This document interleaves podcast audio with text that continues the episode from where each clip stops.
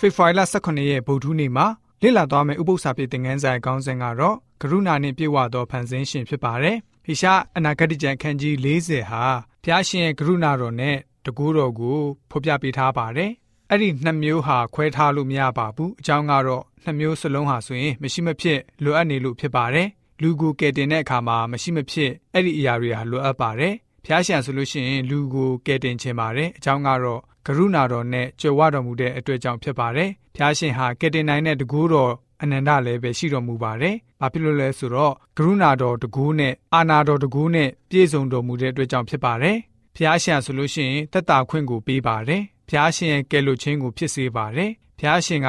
ဘုန်းတော်ထင်ရှားပါတယ်။လူသားတွေရဲ့အားနည်းခြင်းကိုအမြဲပဲထောက်မပါတယ်။ လွတ်မြောက်ရာတည်င်းကောင်းကိုလည်းပဲယူဆောင်လာပေးပါတယ်။မိမိရဲ့လူမျိုးတွေရဲ့တိုးထင်းဖြစ်တော်မူပါတယ်။တူနှိုင်းမရတဲ့ဖန်ဆင်းရှင်ဖြစ်တော်မူပါတယ်ဖန်ဆင်းရှင်ဖြစ်ပြီးတော့အားငယ်သူတွေကိုလည်းပဲခွန်အားပေးတာတွေ့ရပါတယ်။ဖျားရှင်ဟာကရုဏာတော်နဲ့အစဉ်တည်မြဲတော်မူတဲ့အကြောင်းကိုဟေရှာယအနေနဲ့ဖျားရှင်ရဲ့တကူတော်အကြောင်းကိုရောဉာဏ်ပညာအကြောင်းကိုရောလှပပြည့်စုံတဲ့ကဘာကိုဖန်ဆင်းတဲ့အကြောင်းကိုရောဟေရှာနာဂရိကျန်ခန်းကြီး40ငယ်7ကနေ19မှာအသေးစိတ်ဖော်ပြပေးထားပါတယ်။ ဟေရှာယဟာဖျားရှင်ကနေယောဘကိုပြန်ပြီးတော့ဖြေဆိုတဲ့စကားတော်အတန်အတိုင်းမိဂုံးမျိုးနဲ့ဖော်ကျူးရေးသားထားပါတယ်။ဟေရှာယရဲ့စကလုံးမေးခွန်းကတော့ဖျားနဲ့တူနိုင်တဲ့သူဘယ်သူရှိနိုင်မလဲဆိုပြီးတော့ပဲဖြစ်ပါတယ်။ဟေရှာယဟာယောဘလိုပါပဲဖြည့်ဆွေးရမယ့်စကားမရှိတော့ပါဘူး။ဖျားရှင်နဲ့တူနိုင်တဲ့သူဘယ်သူမှမရှိပါဘူး။ဖျားရှင်ဒီသာလင်အနှိုင်းမဲ့ဖြစ်ပါတယ်။ဒါပေမဲ့ဟေရှာယဟာမေခွန်းကိုကောက်ပြီးတော့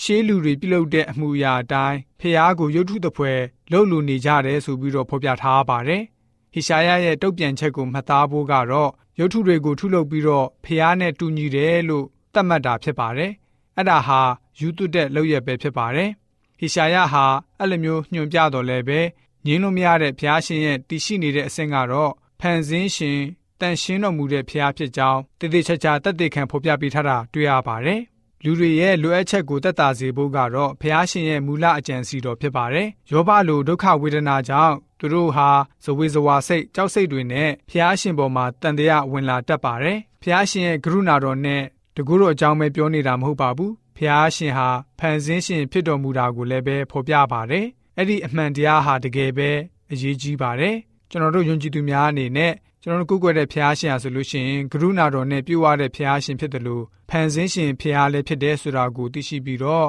သူကိုယ်သာလင်ဓာတ်ရိုက်ဝုပြုကိုးကွယ်တဲ့ယုံကြည်သူတွေဖြစ်စေဖို့အတွက်ဗုဒ္ဓနေ့ဥပုသ္စာဖြစ်တဲ့ငန်းစာကဖော်ပြပေးထားပါတယ်။